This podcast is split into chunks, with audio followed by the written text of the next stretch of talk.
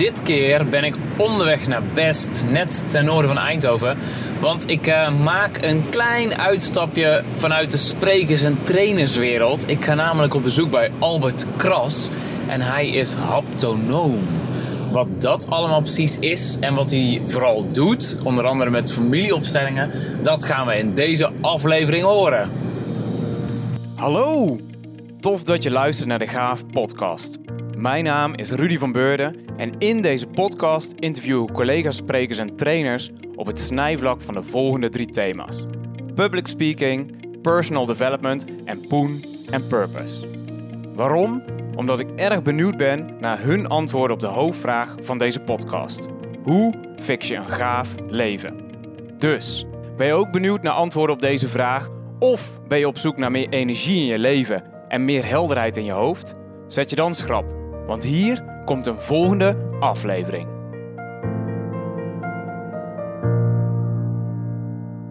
Albert Kras is helemaal begaan en heel kundig in familieopstellingen.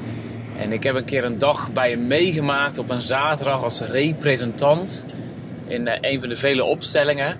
En dat was echt mind-blowingly bijzonder. Dus uh, ik ben benieuwd of hij uh, ons meeneemt in zijn wereld. En daar uh, nog veel meer over gaat vertellen.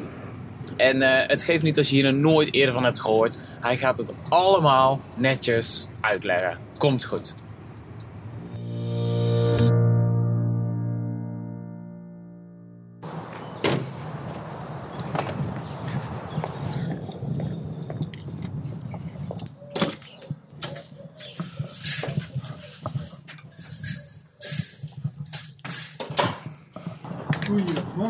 Goedemorgen. Kom binnen. Jij zit al helemaal startklaar hier. Ik ben helemaal klaar voor. Op de stoel. Wat een rust. Fijn. Moet ik mijn schoenen uitdoen? Nee, nee, Hoeft dat niet? nou, nou. Hoe is het? Goed. Goed jou weer te zien. Ja, zeker. Wederzijds. Leuk. Ik vind het altijd zo ingenieus gemaakt hier met dat pad helemaal. Langs de tuin. Alsof je in zo'n geheime wereld komt. Ja, je weet niet waar je uitkomt dan. Nee.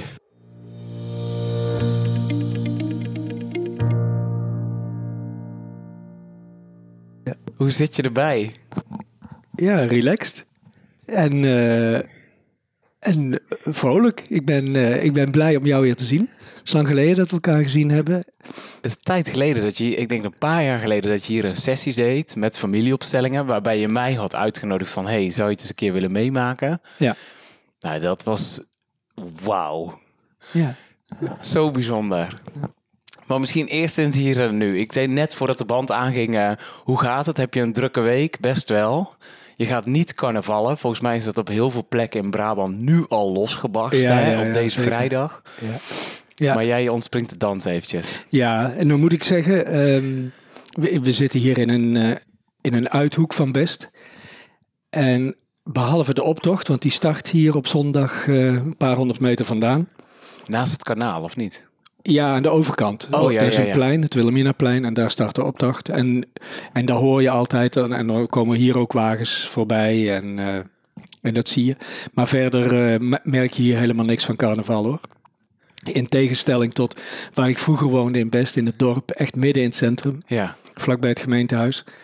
En daar, eh, ja, daar kon je je niet onttrekken aan, aan wat er gebeurde. En dan werd je ook gewoon meegezogen. Dan, ik had dan wel eens dat ik zei, oké, vandaag ga ik niet. Maar dan loopt iedereen langs en dan, eh, oké, trok ik toch mijn kiel weer aan. En dan Go ging ik with naar flow. buiten. Ja, ja. Maar nu heb je dus op deze plek, dit is nu de tweede keer dat ik ben. En maar goed ook, want dan mocht ik doorlopen bij de eerste deur waar je binnenkomt, hè, bij jullie in de carport. Dus de En dan- derde keer trouwens dat je hier bent. Oh, ja, dat klopt ja. Ja, Want we hebben ook een keer daarvoor afgesproken. Ja.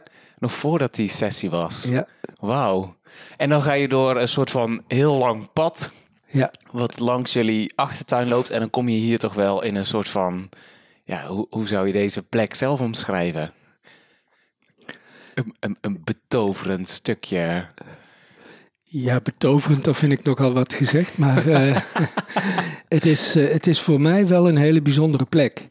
Ik, eh, ik merk ook, de, ik, ik ben hier graag. En dat is fijn als je hier werkt, dat je dan ook daar graag bent. En ehm, er, ja, ik, ik merk dat hier wel een, een, een bepaalde atmosfeer hangt. Waar, waar ik me goed bij voel. Ja. En dat, dat vind ik wel belangrijk. Ja. En we zitten dus in een hele grote blokhut, misschien wel 40, 50 vierkante meter, alles bij elkaar. Die heb je zelf gebouwd of niet? Of laten bouwen? Ik heb meegeholpen, maar die, die heb ik laten bouwen, ja. En Ja. hoe lang geleden al dat die er staat? Dat, is, dat was in 2004. Nou, Ja, 16 dus jaar. 16 jaar Ja, geleden, ja, ja. ja, ja. Nou, en dan heb je ook een klein buitenplaatsje waar mensen ook kunnen zitten. En, en hier ontvang je dan mensen met wie je werkt. Ja, als haptonoom zijnde, als fysiotherapeut zijnde, maar je hebt nog veel meer rollen. Ja. Misschien wil je daar kort iets over vertellen, zodat de mensen weten... Albert Kras, wie is die man? Wie zit er nu tegenover Rudy met de headset op? ja. En wat doet hij allemaal? Ja, en eh, als je dat nu zo vraagt, dat denk ik niet zo vaak meer aan. Maar ik was, eh, ik geloof een jaar of twaalf, lag ik in het ziekenhuis, had ik mijn been gebroken. En dat was eh, geopereerd. En ik was daar zo door gefascineerd. Ik dacht, ah, ik word chirurg. Toen ik de middelbare school afgerond had, toen was ik dat studeren zo beu. En ik, toen dacht ik, oh, medicijnen nog zes jaar, dat is nu niet meer, maar toen was dat. En ik dacht, daar ga, daar ga ik niet aan beginnen. En eh, toen kwam, ik weet niet wie dat zei, ik geloof mijn moeder, maar die noemde fysiotherapie.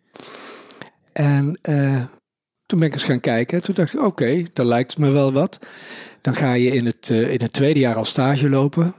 Dan hoef je niet de hele dag achter die eh, boeken te gaan zitten. Dat, dat zocht je niet. Oh, dan was ik zo beu. en ehm, nou, toen ben ik dat gaan doen. En die opleiding heb ik afgerond. En ben ik als fysiotherapeut gaan werken in Best ook. En al heel snel merkte ik, ik deed gewoon de dingen die ik geleerd had. En dat werkte soms heel goed, maar soms niet. En dan dacht ik, hoe kan dat nou? Ja, ja. Ik doe wat ik moet doen en het werkt niet. Ja, zo naïef was ik toen nog. Hè? en ehm, toen realiseerde ik me dat er, dat er heel andere dingen ook een rol spelen bij de genezing van mensen. Ook als het over puur lichamelijke klachten gaat. En, en dat is, ja, de mindset, het gevoel wat er eh, bij mensen zit. En dat, dat mensen soms eh, ja, ergens door belemmerd werden. Ik dacht, oké, dit vind ik wel interessant, daar wil ik wel meer van weten. Tijdens mijn, eh, mijn opleiding fysiotherapie was ik al in aanraking gekomen met haptonomie. En daar ben ik me in gaan verdiepen. En toen eh, heb ik daar een opleiding in gedaan. ik, eh, ik, ik, ik vond het eigenlijk best wel lastig. Ik vond het iets heel moois, maar eh, het was ook voor mij nog een beetje. Ja, wat, wat, wat moet ik hier nou mee? Wat kan ik hiermee? Wat, wat is dit nou? Een be- beetje zweverig bijna. Mhm. Maar goed, in de loop der jaren ben ik daar mee aan de slag gegaan. En eigenlijk, eigenlijk geleidelijk aan, aan steeds meer gaan, gaan toepassen. ja. En ook vervolgopleidingen ingedaan. Haptotherapeut ben ik nu dus ook. Hè? Dus therapieopleiding. En ehm, nou, ja, nou geleidelijk verschoof het aandeel fysiotherapie en haptotherapie heel erg. Hè? De fysiotherapie doe ik nu incidenteel nog, Mhm. Maar vooral haptotherapie. En eh, op een enig moment kwam ik in aanraking met nog wat andere dingen, waaronder familieopstellingen en de journey, de helende reis. En daar, die spraken me erg aan. Al- Alhoewel, nee, familieopstellingen eerst niet. Oké. Eh, mijn, mijn vrouw die li- liet me een artikel zien en die zei, dat moet je eens even lezen, want dat is net iets voor jou. Ja. En dat ging over familieopstellingen. En ik dacht, waar gaat dit in godsnaam over? Ik had geen idee, ik kon er geen touw aan vastknopen. Ik, het deed me ook niks. Ik legde het weg. Ik, ik zei tegen mijn vrouw, hoe kun je dat nou zeggen? Dat dat net iets voor mij is. Een paar weken daarna, was echt snel, toen eh, was er iemand die ik kende, die zei, ik wil naar een familieopstelling, naar een workshop. Maar ik durf niet alleen. Dacht, ja, wat nou aan te durven? Maar goed, wil, wil jij meegaan? Onverschrokken Albert ging mee. Ja, als ik jou daar een plezier mee kan doen. Ik hoef niet per se, maar dan wil ik dat wel doen. En eh, nou ja, goed, toen ervoer ik een beetje wat jij eh, toen ook ervaren hebt. Dat er, eh, ja, dat er heel bijzondere dingen gebeuren. En dingen die, die mijn mind op geen enkele manier, manier kon begrijpen. Ja. Maar ik zag ze wel. En ik, en ik voelde het en ik, ja, ik merkte dat het, dat het gebeurde. En toen was ik wel zo gefascineerd daardoor. Ja. En ik dacht, oké, hier wil ik iets mee. Maar initieel, dus eigenlijk toen je dat 12-jarig jongetje was en in dat ziekenhuisbed lag, toen had je al een fascinatie voor genezing eigenlijk. Ja, ja en, eh, en voor mensen helpen. Ja, ja, ja, Ja. En dat frustreerde je eigenlijk toen je begin 20 was en als fysiotherapeut handelingen uitvoerde die niet per se resultaat hadden. En toen ging je zoeken van waar zijn wel mogelijkheden Ja. toe. En misschien voor dummies, want ik zou het zelf niet eens kunnen uitleggen, maar wat is haptonomie? Dat we even bij de basics van de basics beginnen. Ja, ja. nee, maar dat, dat is heel goed. Eh, die haptotherapie, je zou kunnen zeggen, het is eigenlijk een, eh, een therapievorm waarbij we mensen ondersteunen om een betere balans te krijgen tussen voelen en denken. Wij zijn doorgaans heel veel met ons brein bezig, met onze gedachten. Ons brein is een ongelooflijk goed wat wij hebben. Het is ongekend wat we daar allemaal niet mee kunnen. Mhm. Mogelijkheden zijn bijna onbeperkt. Maar we varen er vaak alleen maar op. En dat betekent dat we onze gevoelens negeren en onderdrukken vaak, omdat die niet handig zijn. Zeker in deze tijd waarin alles heel snel gaat. Ja, Met onze gedachten kunnen we razendsnel acteren. Ons gevoel is veel trager. Het is een heel ander tempo. En, ehm, en als wij onze gevoelens onderdrukken, dan zijn ze uit beeld, maar niet weg. Je zou kunnen zeggen, die zitten opgeslagen in ons lichaam. Mhm. Dus, dus ook aantoonbaar. hè. De wetenschap heeft eh, onderzocht dat op het moment dat wij een sterke emotie ervaren en we onderdrukken die, dan verandert er iets in onze cellen. De communicatie tussen de cellen stagneert. dus dat betekent dat, dat er ook met je lijf iets aan de hand is. En dat, dat maakt dat je daar makkelijker een ziekte kunt ontwikkelen, bijvoorbeeld. Mhm. En we kennen een aantal ziektes, hè, maagsfeer en dat soort dingen die, die een emotionele of mentale oorzaak hebben en die in ons lijf zich manifesteren. Wat we in de haptotherapie doen is kijken hoe kun je nu die gevoelens die je opgeslagen hebt, misschien al van heel lang geleden, en dat hoeven niet altijd zo'n heel bijstere dingen te zijn. Hè. Je, kunt aan trauma's denken en dat is ook zo, maar het zijn ook hele kleine trauma's van een snoepje wat op de grond valt, weet ik veel. ja, ja, ja. Ehm, hoe kun je aan die gevoelens die we opgeslagen hebben meer ruimte geven? Zodanig dat je vrij wordt. Want dat, dat is eigenlijk wat mijn. eh, ja, als je zegt, hè, wat, wat, wat is je missie of je passie, dan denk ik: oké, eh, op de eerste plaats mezelf vrijmaken. Mhm. Vrij van alle oude ballast die. eh, ja, die Carnaval heb je al geloosd, daar doe je al niet meer aan mee. Maar ook veel dieper, dus emotionele wonden of, of dingen die je terughouden of negatieve gedachten of gevoelens Ja. van schaamte of er niet bij horen. Echt zulke grote, diepe Ja, begrippen. ja, zeker. En daar helpt haptonomie bij. Ja, Om het denken en voelen meer met elkaar in balans te brengen of op elkaar af te laten stemmen. precies. Ja. En, en betekent dat dat je eigenlijk in deze snellere, snellere tijd alleen maar meer en meer werk krijgt? Want je zei al, nou, ik heb genoeg te doen om mijn dagen te vullen. Nou, wat ik in ieder geval zie, is dat er een eh, steeds grotere behoefte is bij mensen aan, aan die vrijheid of aan rust. Heel veel mensen zijn op zoek naar rust. Als je vraagt, wat, wat heb je nou nodig? Ja, dan, oh, ik, ik zou wel eens rust willen. Ja, Dus de behoefte is steeds groter. Aan de andere kant is het aanbod natuurlijk ook steeds groter. ja, Aan, eh, aan allerlei methodes die daarbij eh, kunnen helpen. En ehm, het, het is wel zo, haptotherapie is wel een hele directe therapievorm. En, en dat is ook wel een beetje mijn stijl. Ehm, je, je kunt op allerlei manieren aan de oppervlakte werken. Wat, op zich heel prima kan zijn. Hè? En wat iemand weer vooruit kan helpen voor dat moment. En die kan het zelf weer. Maar ik, eh, ik hou er wel van om uh, echt naar de kern te gaan. Naar de oorzaak, naar de diepte, ja. Ja, naar de diepte. Om daar een aanpassing te doen, zodat het veel duurzamer opgelost wordt of genezen wordt. Ja. En ja, dat klopt. En als je zegt een aanpassing doen, uh, ik kan niet bij iemand anders een aanpassing doen. Oké, ja. Uh, ik weet niet of ik het bij mezelf kan. Oké. Maar door naar de diepte te gaan en daar, om daar, door daar te zijn, gaan er dingen in beweging komen. ik, uh, ja, ik vertelde, ik wilde mensen helpen.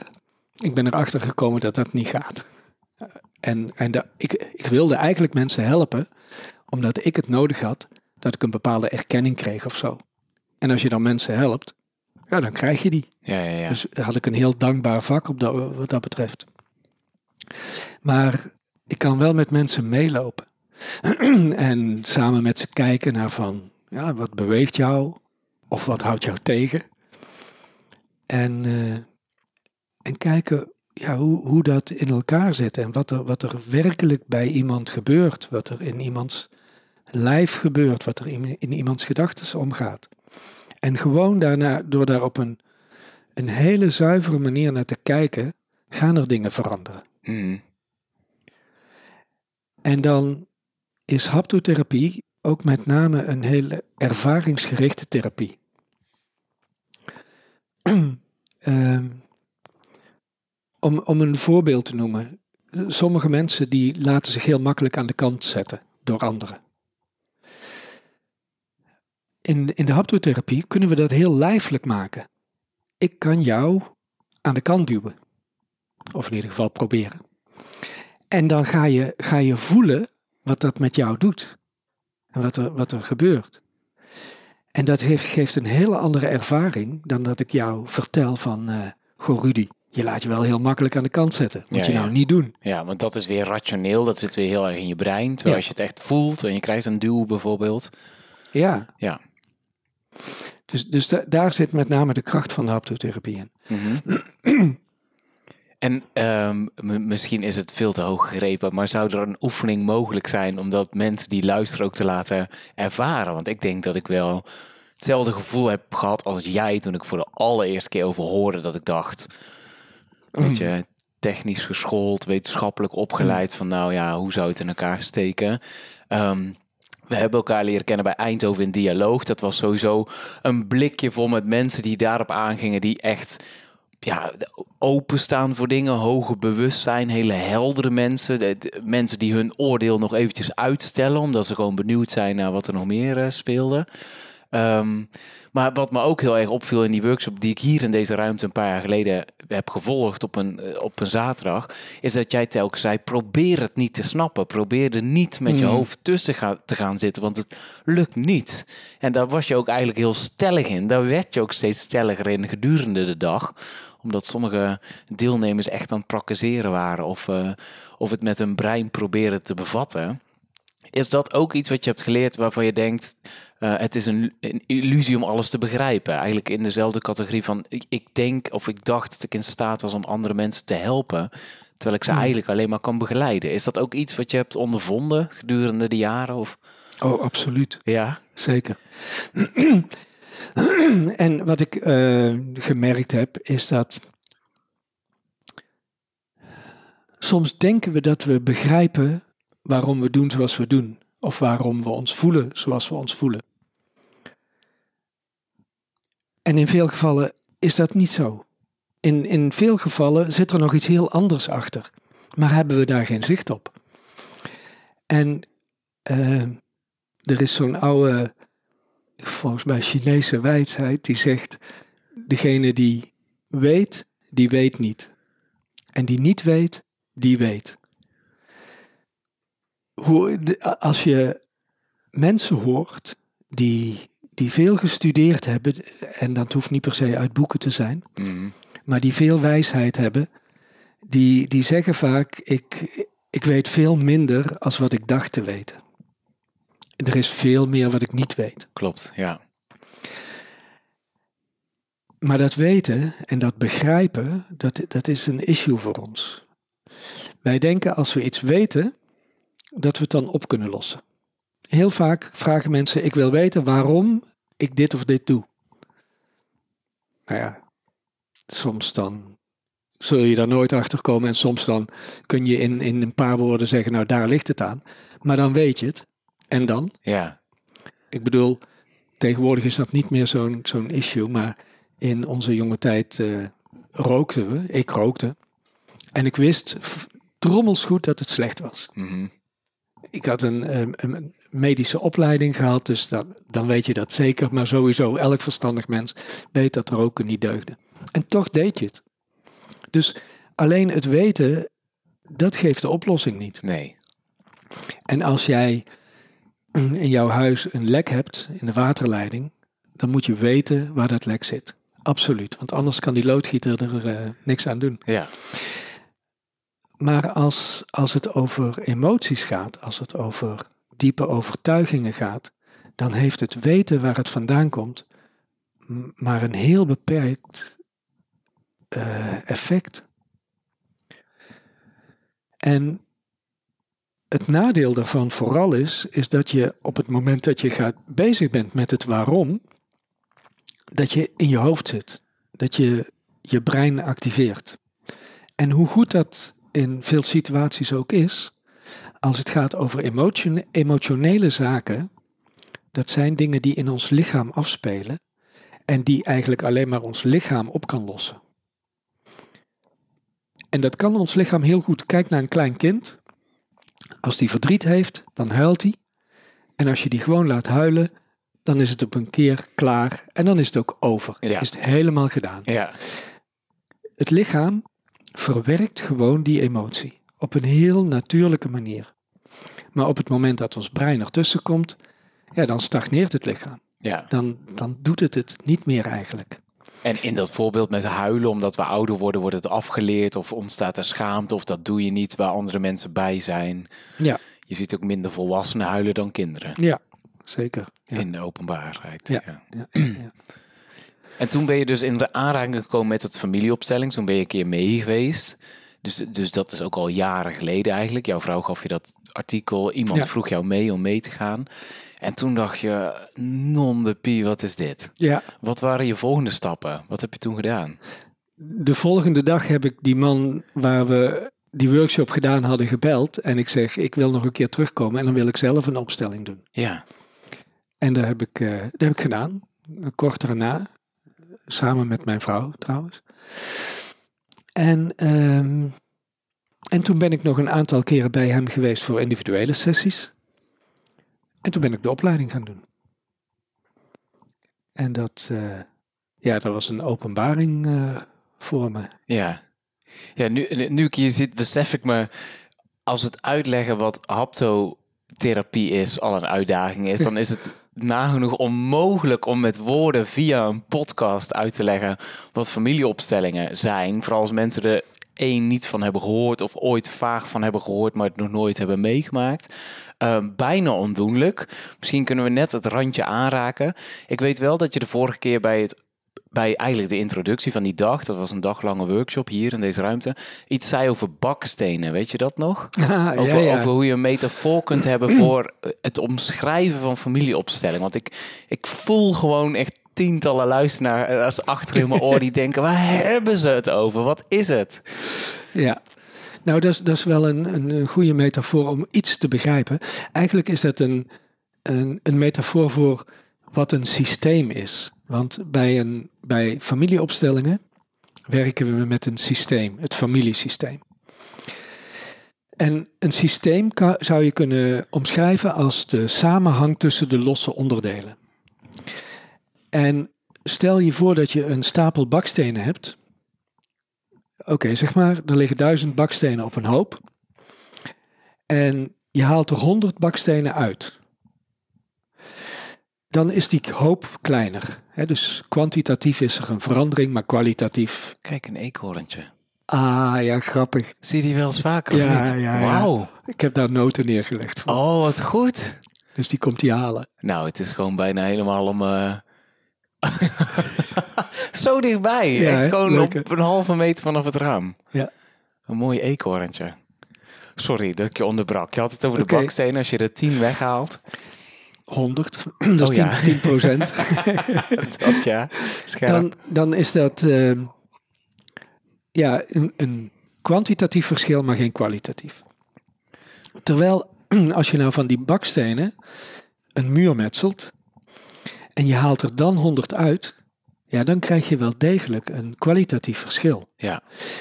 Want in die muur vormen die eh, bakstenen een systeem. Dan is er een samenhang tussen die losse onderdelen.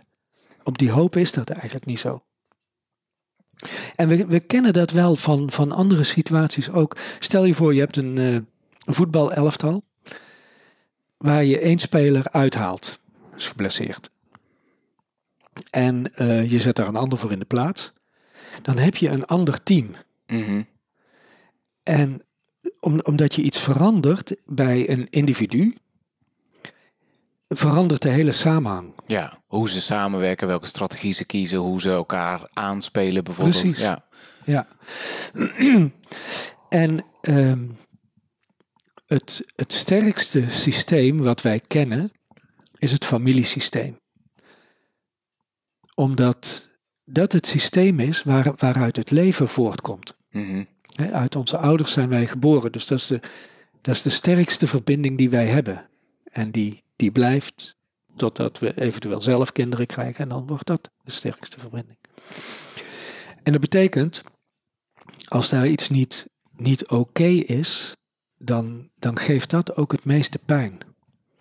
Kijk, als je met je ja, een, een collega iets niet hebt, ja, het is vervelend als je er elke dag mee geconfronteerd wordt. Mhm. Maar daar raak je meestal minder door van streek dan wanneer het iemand uit je eigen familiesysteem betreft. ja.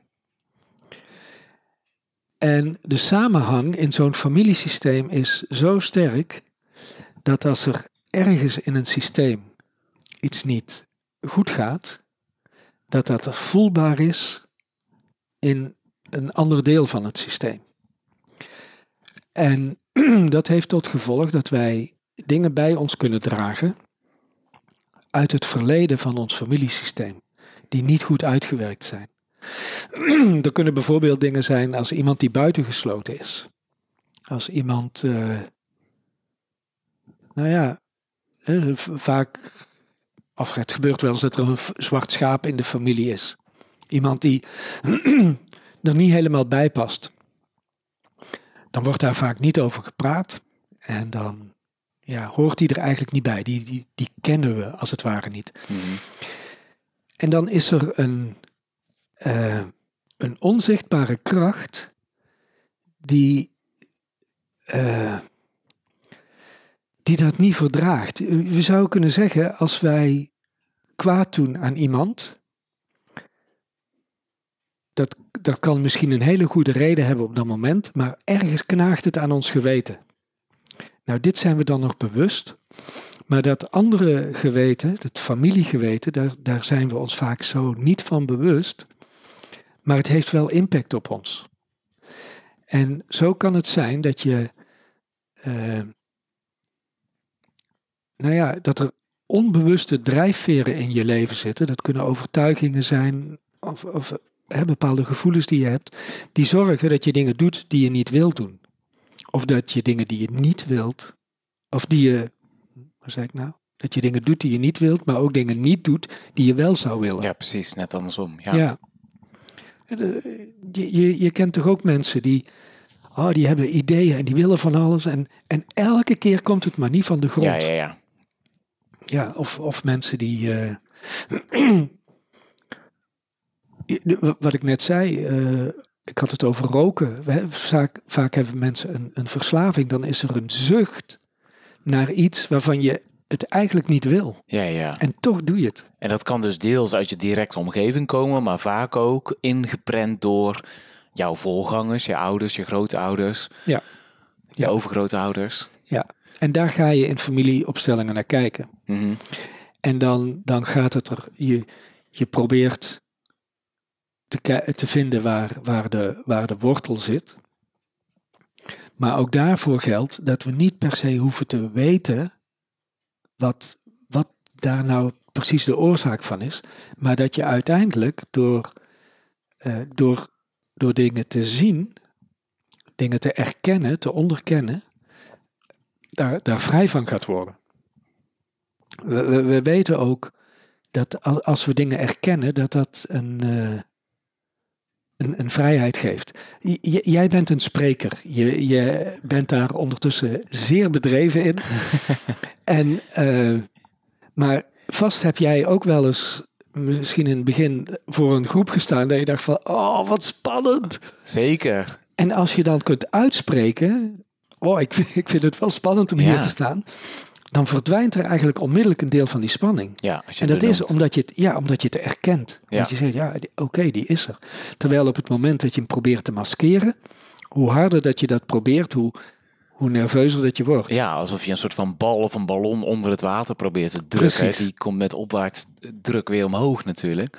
Ja. En, en die methode, want het is dus jaren geleden dat jij het bij iemand volgde, maar degene die het heeft geïnitieerd of die het verder heeft uitgewerkt, dat is Bert Hellinger, toch? Ja, Is klopt. dat een Nederlander of niet? Nee, is een Duitser. Een Duitser, oké. Ja.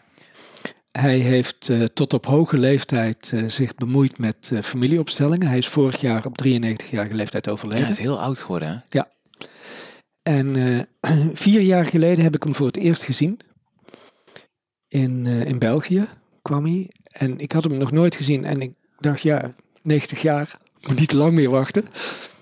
En het is een heel bijzondere man. Die, die heel scherp aanvoelt waar, eh, waar dingen wringen. Mhm. En daar is hij ook heel direct in. Hij, hij is niet altijd eh, heel eh, tactvol. Dat doet hij ook niet zijn best voor hoor. Dus hij kan heel, heel cru zijn. Ja. Heel recht voor zijn raap. En, eh, en dat doet ook mensen wel eens pijn. Maar aan de andere kant maakt het dingen ook wel helder. Eh, ja, hij, heeft, eh, hij is op zijn pad familieopstellingen tegengekomen. Dat bestond al wel. Maar hij is dat wel verder gaan ontwikkelen en hij heeft dat wereldwijd verspreid. Zuid-Amerika is hij veel geweest, Noord-Amerika, Azië, Japan, China. Wauw. Ja. Heel breed. Ja, heel breed. Ja. En die stiel, dat is iets wat jou ook wel aanspreekt, denk, je, denk ik. Geen doekjes erom winden, Ja, helderheid bieden. ja, ja. En dat ik grappig, want wat ik daarnet aan dacht, jij zei, heel veel mensen komen hier ook in jouw praktijk, en dan nagelang welke methode je ook toepast, maar waar mensen naar hunkeren, wat ze nodig hebben, is rust. En, en de dingen die ik in, in mijn werk met al die groepen eigenlijk heb ontdekt, is, is een, een top drie, een rijtje van drie die je zo gezegd kunt noemen, waarvan rust er één is. Dus ik, ik stel vraag, diezelfde vraag, wat heb je nodig, maar dan aan- in het Brabants, wij hebben jij nodig. Eh, rust is een mogelijk antwoord, wat veel gegeven wordt. Helderheid is een belangrijke, want sommige mensen zwemmen maar wat rond in organisaties en ze hebben niet eens het idee of ze vooruit, achteruit gaan of links of rechts. En een derde, heel belangrijk, waar ik al jarenlang mee bezig ben, is positieve energie. Omdat mensen op een laag energieniveau zitten. ehm, niet echt ervaren dat ze wakker zijn of dat ze aanstaan. En ik, het is wel fascinerend om voor jou te horen. Ook als professional, jij helpt ook groepen mensen, maar ook stellen of individuen. Dat je, dat je er toch wel op gebrand bent om een stukje rust te kunnen brengen bij personen.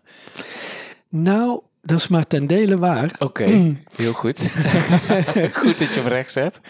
Eh, ik zeg dat is de behoefte van veel mensen. En ehm, dan zeg ik er meestal bij, je moet het hier niet verwachten. Oké. Ik ga je geen rust geven.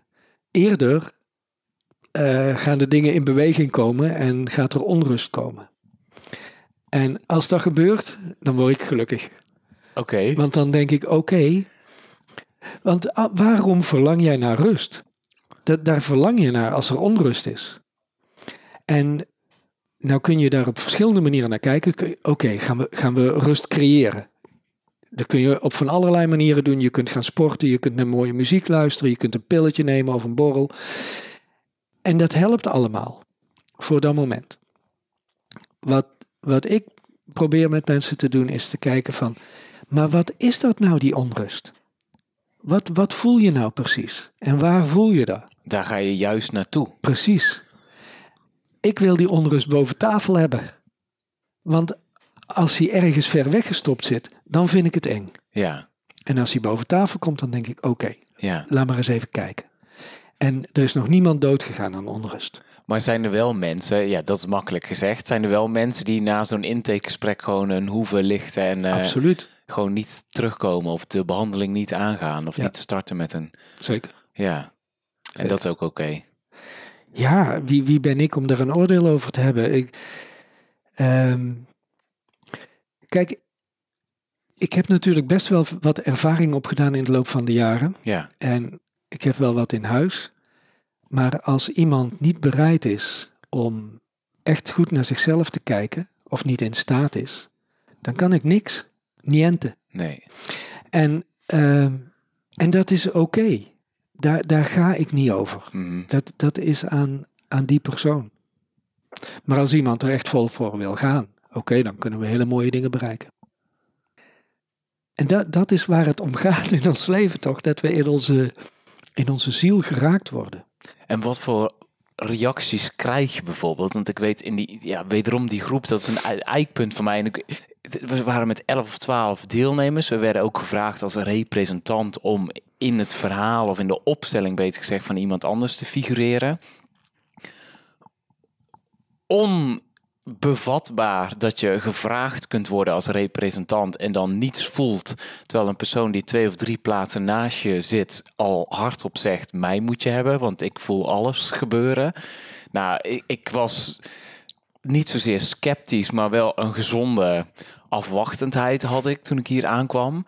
Nou, het, het- het- gewoon die verhalen van mensen en ook wat ze hadden meegemaakt en hoeveel pijn. En sommige mensen die al 10 of 20 of 25 jaar met een trauma rondliepen.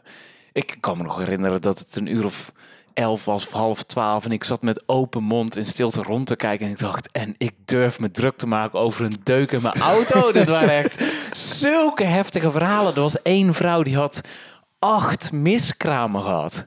Dat was zo ontzettend heftig wat zij had meegemaakt. En toen ontstond er ook die opstelling van haar twee kinderen die in leven zijn gebleven. En haar acht kinderen waar ze maar geen afscheid van kon nemen. Waar ze al 25 jaar mee rondliep. Nou, ik heb nog nooit zulke rauwe en diepe emoties gezien. En gehoord ook. Maar heel bevrijdend eigenlijk ook. Hoe, hoe, hoe reageren mensen als ze daar doorheen zijn geweest? Zijn er reacties die je krijgt van personen die hier een traject hebben gevolgd of een workshop? Waar komen ze mee terug? Nou, ik, ik ben daar eerlijk gezegd niet zo mee bezig. Ik, ik weet dat vaak ook niet. Ik krijg natuurlijk wel eens reacties, maar heel vaak komen mensen voor zo'n workshop en zie ik ze nooit meer. Dus, dus weet ik het niet. Ehm, mijn taak is op dat moment om er voor die mensen te zijn en te doen wat, wat ik moet doen. Ja, En dan is het niet meer aan mij. oké. Ehm, in het verleden, wat ik je vertelde, ik wilde graag mensen helpen. Ja. Omdat ik die waardering nodig heb, zocht ik daar ook naar. En hoe was het? Heb je het vond je het fijn? Heb je, heeft het iets voor je gedaan? En nu denk ik, oké, dit is van jou en dat is jouw ding en ik heb niks meer nodig. Ik heb mijn ding gedaan. Ehm, maar wat ik, want er komen natuurlijk wel mensen terug, of ik spreek ze nog wel eens. En dan eh, zien ze toch dat er, dat er veel verandert in hun leven. En als, ook als ik naar mezelf kijk, ik heb, ik, ik heb in mijn jeugd, zeker, maar ook nog lang daarna, heb ik me helemaal niet gelukkig gevoeld. Hm. En ik heb lang mijn ouders daar de schuld van gegeven. Ja, wie, wie anders? En door wat ik zelf opgeruimd heb en wat ik geleerd heb, heb ik een, een steeds betere relatie met mijn ouders gekregen. En dat is voor mij zo waardevol. En mijn ouders zijn op dit moment allebei niet meer in leven, maar ik heb nog wel steeds een relatie met hun. Ik heb nog gedachten over hun, ik heb nog herinneringen aan hun en ik heb nog gevoelens bij hun. Ja, maar fijner en beter of zuiverder, Ja. hoe jij het zegt.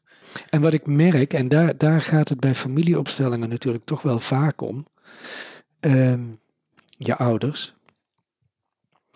Ik merk dat hoe beter je relatie met je ouders is, hoe gelukkiger je bent. En, en dat is één op één. Zo. Dus uh, dat is altijd de moeite waard om daaraan te werken als Ja. dat eh, nodig is.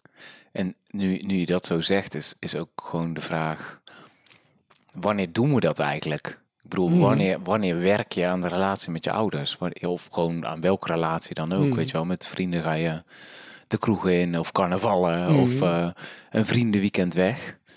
En met je ouders doe je misschien ook soortgelijke dingen, maar ja, niet zo, niet zo gebrand op die relatie misschien.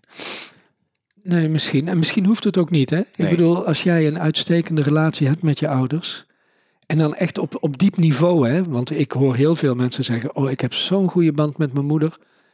En dan hoor ik ze dingen zeggen, dan denk ik: Nee, nee, daar zit nog heel veel tussen. Ja, Je, je denkt, je doet je best om een goede band te hebben, maar dat, dat is niet zo. Ja, en tegelijkertijd zo'n relatie, het komt er ook van twee kanten. Het kan zijn dat een ouder heel andere verwachtingen heeft of wensen om de kinderen vaker te zien bijvoorbeeld. Terwijl die kinderen druk zijn met hun werk en misschien hebben ze zelf net kinderen gehad, waardoor het leven gewoon hectisch is. Dus het, of, of is, dat, is dat dan weer te rationeel gedacht dat die aansluiting als die niet helemaal matcht of de verwachtingen?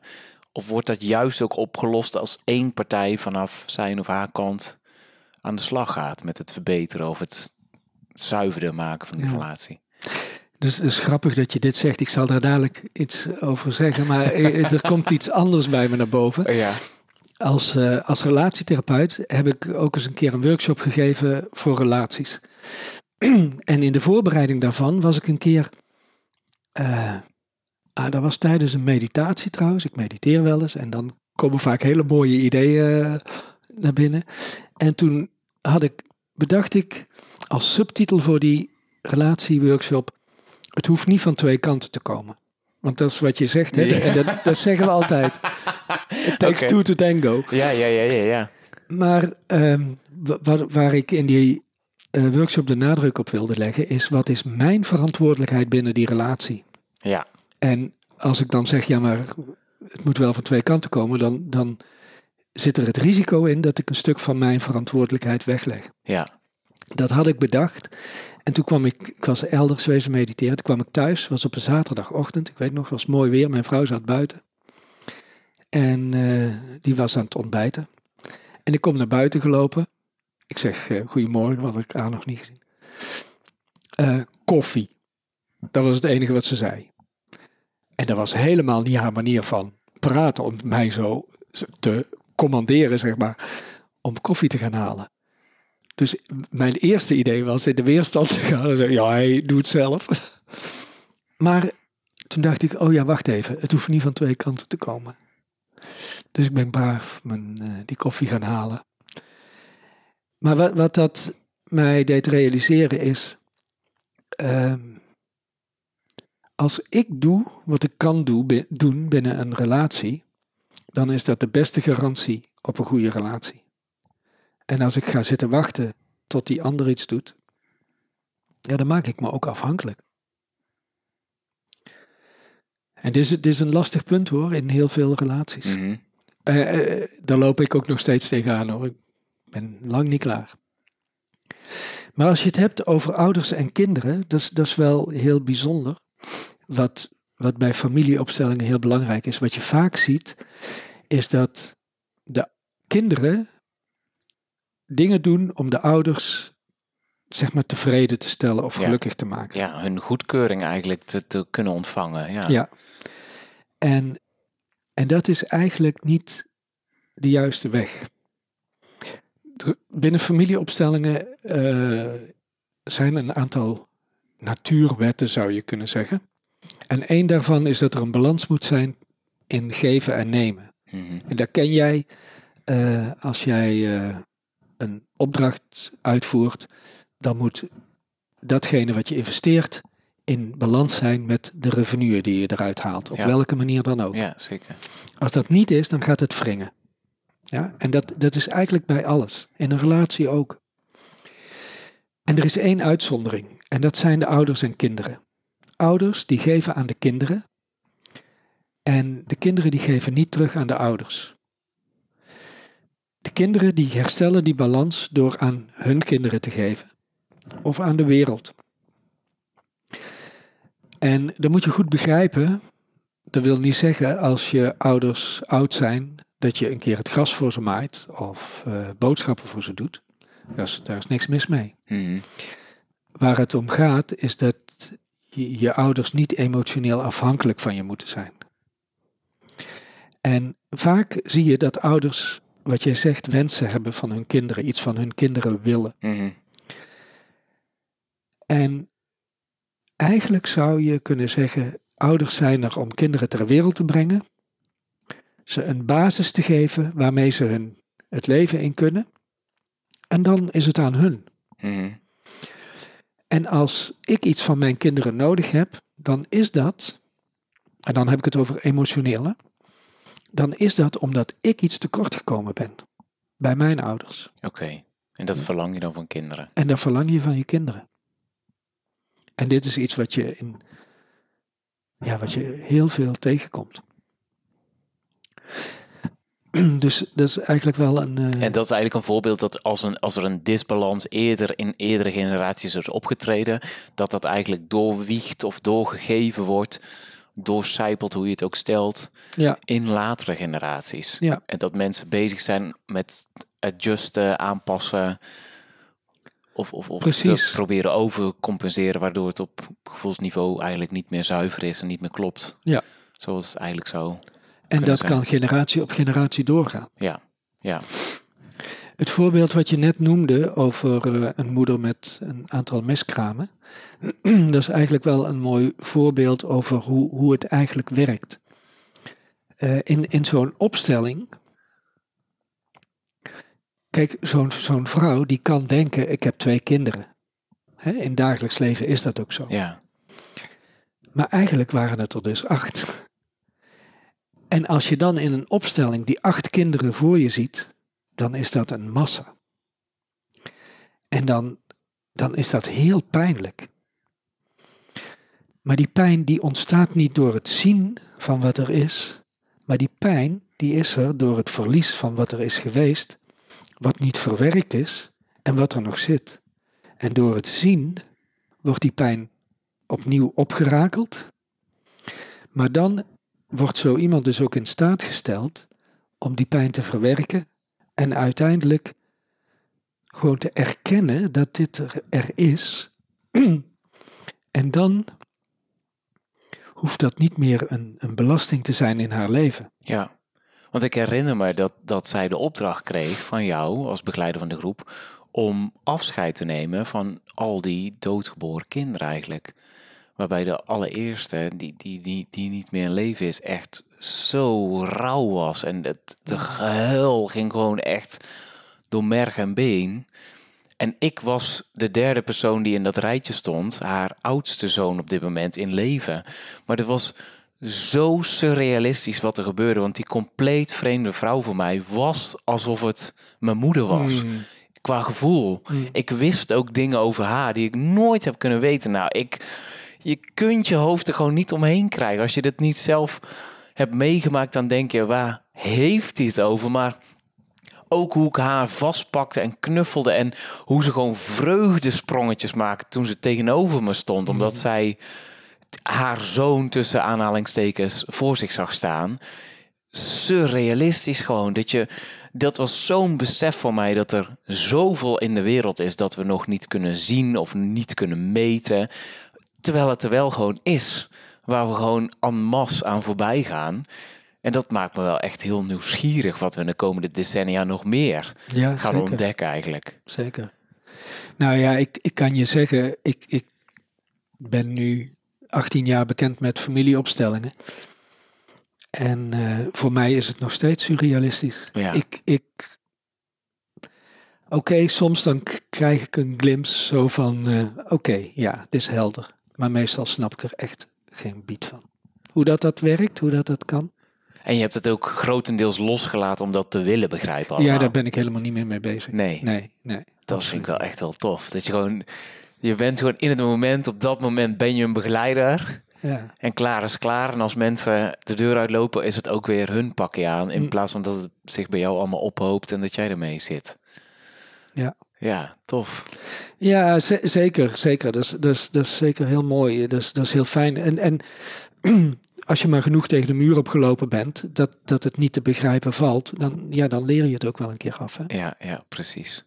Wat voor personen zijn hier welkom? Of wat voor personen? Je hebt al een paar dingen benoemd. Kunnen, Ja, kunnen hier eigenlijk- terecht? Eigenlijk iedereen die, die aan zichzelf wil werken, die bereid is op een andere manier naar zichzelf te kijken. En of dat nu is omdat je problemen hebt, hè, wat je vaak dwingt om dingen anders te gaan doen. Of omdat je jezelf wilt ontwikkelen, dat maakt niet uit.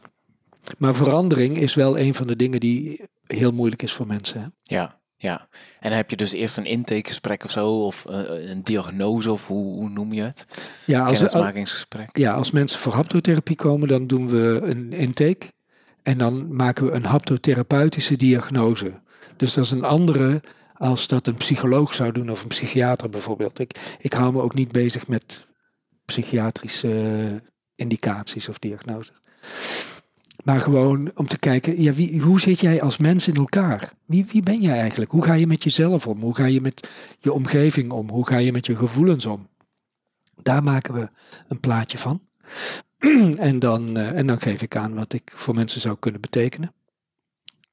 Oké, en dan kunnen mensen daarop ingaan of niet. Ja, Bij eh, familieopstellingen hoef je eigenlijk maar heel weinig te weten. En bij de journey ook. Dan, dan doe ik ook geen intake. Als mensen dat prettig vinden, dan kunnen we een kennismakingsgesprek hebben. ja, Waarin we ook eh, al iets kunnen doen, hè? inhoudelijk. Maar dat is niet per se nodig. ja. Wauw. En meer informatie kunnen mensen heel concreet vinden op... www.albertkras.nl En kras is met een C. Precies. Heel goed. Ja. Wauw, dit was hem. We zijn een uur verder, Albert. Wauw, geen Dankjewel. Helaas zit er wel ei in het bananenbrood dat ik mee heb genomen. Heb ik net via de app gezien van Oké. Rol. Dus ik denk niet dat je moet gaan eten. Want dan Nee. zit je daar ook de rest van eh, deze carnavalsvrijdag op het toilet, denk ik. Nou, dat valt wel mee, maar dat, nee, Dankjewel. Bedankt Heel- heel voor jouw tijd gedaan. en jouw gastvrijheid hier. Graag gedaan. En Super. fijn dat je hier kwam. Zeker. Al te genoegen. Oké. Dank je. Hey jij daar. Zit je met een vraag of heb je een suggestie voor hoe deze podcast nog gaver kan worden? Of misschien ken je wel iemand die ik echt, echt, echt moet interviewen? Stuur me dan een mailtje via podcast.gaaf.eu.